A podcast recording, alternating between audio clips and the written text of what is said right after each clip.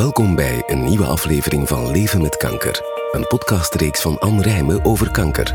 Het is een productie van Tamara Twist en kreeg de steun van AstraZeneca. Ik sta in de inkomhal van het UZ Leuven en ik zie heel veel pijlen, heel veel kleuren en ik ben op zoek naar de juiste pijl, want ik heb een afspraak met professor Janssens. Dat is een grote naam in de wereld van de hematologen. Ze heeft een enorme reputatie en van wat ik al gehoord heb, staat ze heel dicht bij haar patiënten. Nu ga ik op de roltrap. Wat zijn de potentiële risico's en voordelen als er voor een watch-and-wait-periode gekozen wordt en voor welke hematologische aandoeningen wordt deze aanpak gehanteerd?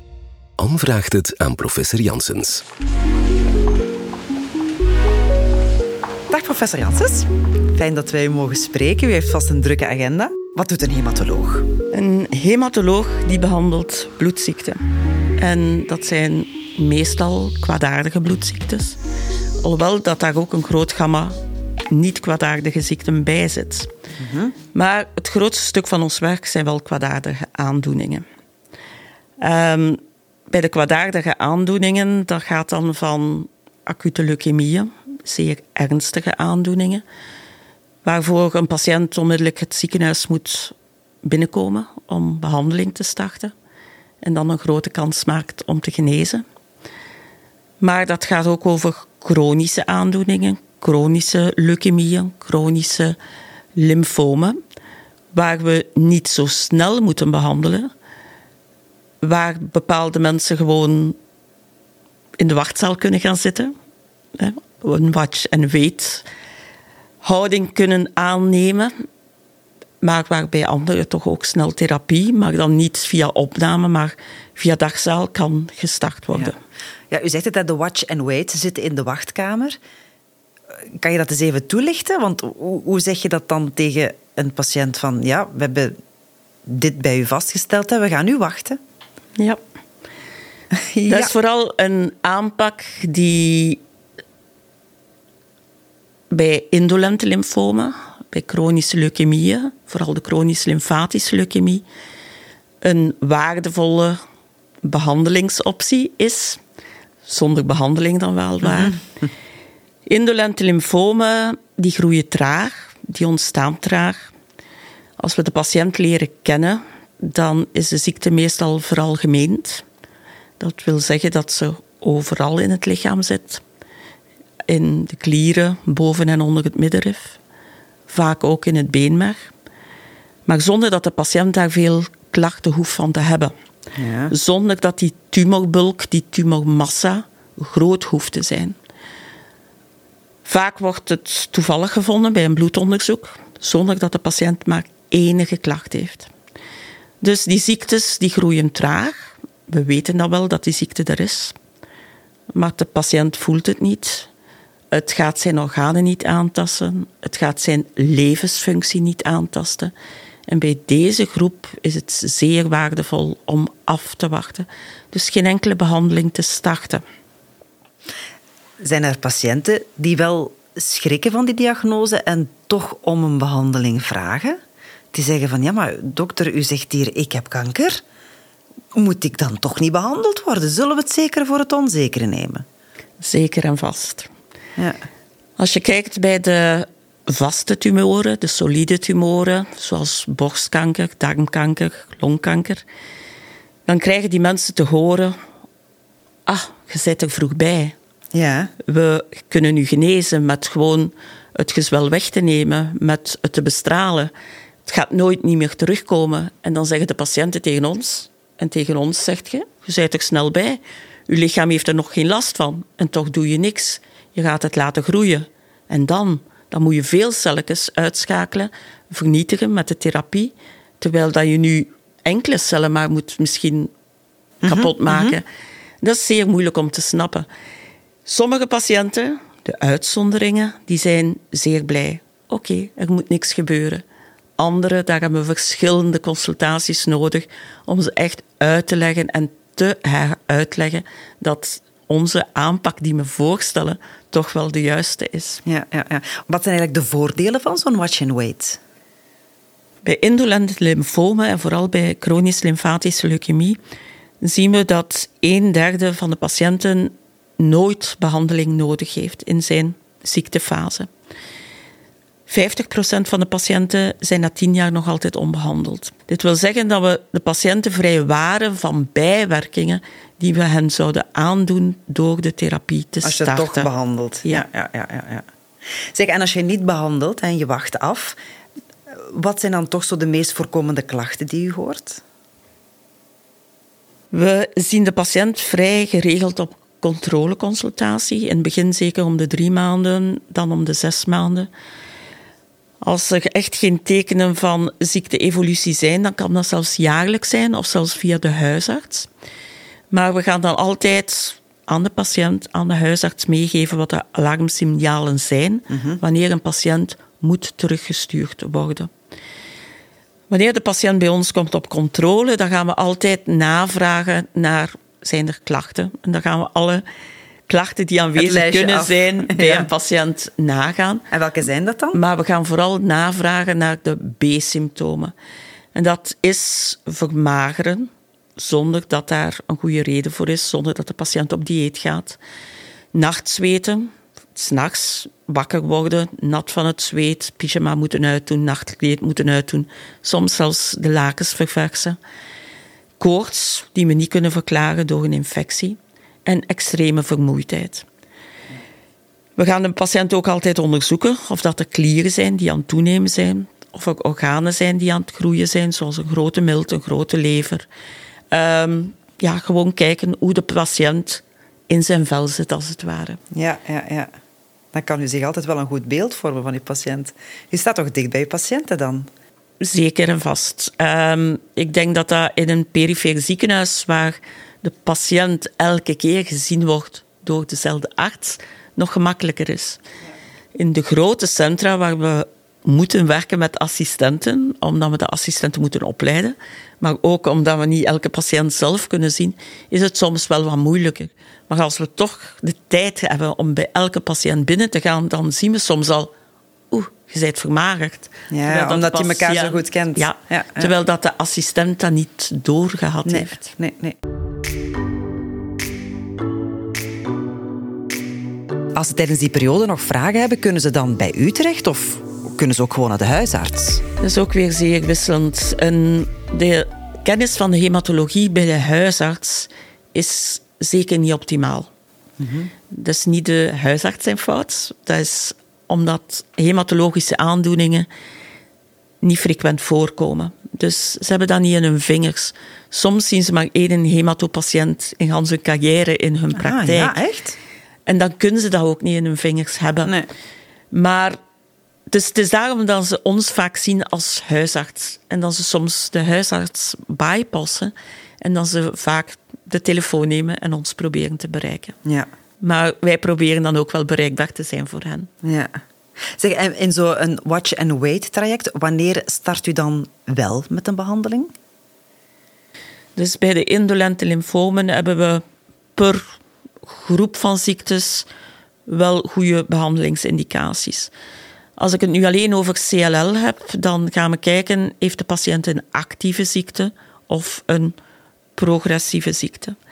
Actieve ziekte is, je hebt zeer veel ziekte aan boord. Je zit al in een hoog stadium. En dat wil vooral zeggen, je bent bloedarmoedig of je bloedplaatjes zijn te laag. Dat wil zeggen dat je beenmerg al volledig ingenomen is door de CLL. Dan gaan we starten. Als je een progressieve ziekte hebt, dat wil zeggen de klieren groeien of de klieren worden te groot, de milt is te groot, de milt groeit, of de witte bloedcellen verdubbelen op zes maanden tijd, dan gaan we ook gaan behandelen. Ook die B-symptomen waar ik het over gehad heb, die extreme vermoeidheid, kunnen een reden zijn om te gaan behandelen. Maar daar wil ik toch even zeggen, Vroeger gingen we vaak behandelen om, als we één teken hadden van progressie.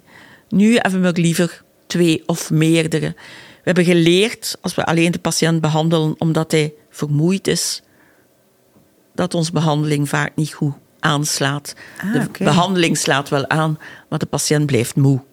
Dus vermoeidheid ja, ja, kan zoveel oorzaken hebben dat we liefst vermoeidheid hebben en witte bloedcellen die te snel stijgen en grote klieren. Ja. Hetzelfde met nachtzweten. Nachtzweten kan ook veel oorzaken hebben. En we gaan niet de patiënt altijd veel helpen door één klacht te behandelen. Dus we willen verschillende tekenen van progressie. En dan weten we dat onze uitkomst van onze behandeling ook veel beter gaat zijn. Ja. Is de patiënt dan niet bang dat die behandeling toch te laat gaat opgestart worden? Ja, dat vragen onze patiënten ook. Theoretisch kunnen we niet te laat zijn met behandelen.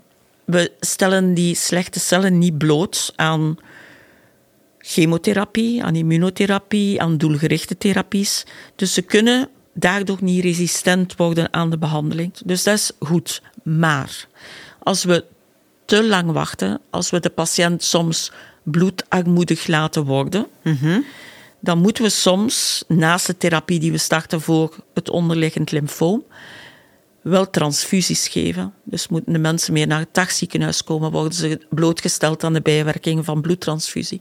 Moeten we soms EPO starten om toch die kwaliteit van leven sneller te bereiken dan dat we zouden kunnen bereiken door alleen maar chemotherapie te starten.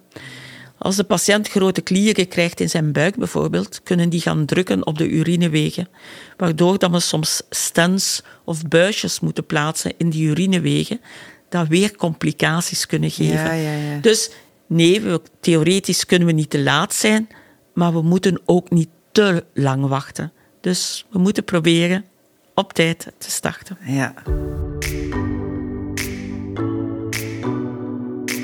Nu, u heeft al, al gesproken over fysieke klachten die kunnen ontstaan, maar dit lijkt me mentaal toch ook een hele zware. Ja. Weten dat je eigenlijk met kanker leeft, we gaan hier afwachten en hopelijk zijn we niet te laat. Wordt daarover gesproken? te weinig. Ja? Onze consultaties zijn te kort om dat allemaal op te nemen.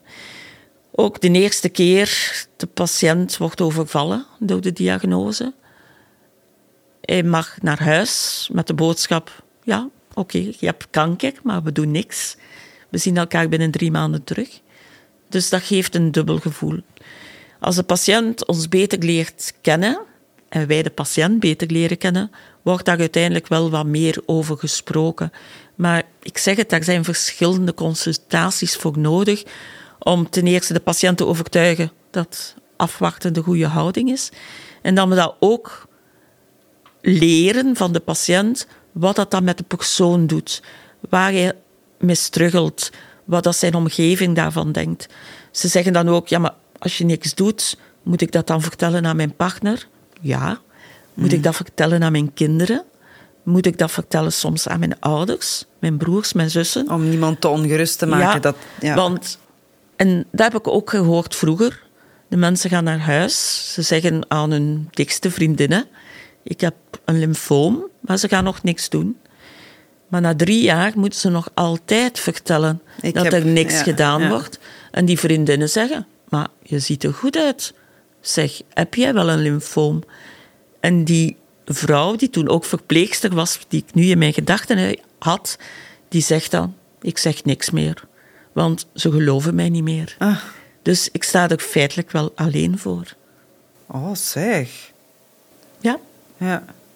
Zeg, en geeft u soms ook advies van ehm, let wat meer op je voeding of, of ga wat meer sporten, ga een keer langs psycholoog of is dat daar ook eh, watch and wait? Ehm, ik denk dat het belangrijk is dat de patiënt naast zijn ziekte die hij aan boord heeft, zo goed mogelijk in zijn vel zit. Dat hij moet proberen zijn dag- dagelijks leven van voor de diagnose verder te zetten. Dat hij een gezonde levensstijl moet behouden. Maar wat we wel proberen ook te zeggen aan die patiënt, ga alstublieft niet de alternatieve tour op. Er is niks van bewezen. We geloven daar niet in als wetenschappers. Maar als jij denkt iets extra te moeten doen om die ziekte proberen in toom te houden, gaan we dat zeker niet tegenhouden, maar vertel het ons wel. Dat je het weet. Ja, ja. zodanig dat als we toch therapie gaan starten, dat we kunnen checken dat er geen vervelende interacties zijn. Bewegen, supergoed. Psychologen, als die er zijn, Eh, en als je die nodig hebt, dan kunnen we daar alleen maar achter staan. Heeft u nog een ultiem advies aan de patiënten die in een watch-and-wait traject zitten? Geloof uw arts. Uw Het vertrouwen in de arts. Gaat dat niet voorstellen als daar geen goede reden voor is. Wat we willen doen met die watch-and-wait periode is om het lichaam te vrijwaren van de bijwerkingen die we zouden de patiënt onnodig aandoen. Ehm, we hebben veel goede medicamenten. Die hebben soms grotere bijwerkingen, maar soms ook zeer minieme, vervelende bijwerkingen. Bijvoorbeeld uw nagels die brokkelig worden, zodanig dat je bij het huishouden overal blijft aanhaperen. Als je je nylonkousen aandoet, dat je er ladders intrekt. Als we dat kunnen vermijden, denk ik, is dat een pluspunt. Dus heb vertrouwen. Spreek uw bezorgdheden uit. Ga in dialoog met uw arts, als wij het niet de eerste zijn die dat aandurven of doen. En zorg alsjeblieft dat die weet- en zie-periode geen wait- en worry-periode is. Want zoals ik het gezegd heb, het is de bedoeling om die kwaliteit van leven te behouden. Maar als je continu angstig en daardoor depressief wordt, door het afwachten, dan gaat de kwaliteit van leven achteruit door die wait- en worry-periode. Ja. Dus dat is mijn advies. Ja, dus niet alleen fysiek wel sterk, maar toch ook zeker mentaal. Zeker en vast. Dank u wel, professor. Bevalt deze podcast jou? Beluister dan zeker ook onze andere podcasts om meer te weten te komen over leven met kanker. Deel het met mensen uit je omgeving waarvoor het ook een steun kan zijn. Bedankt voor het luisteren en graag tot een volgende keer.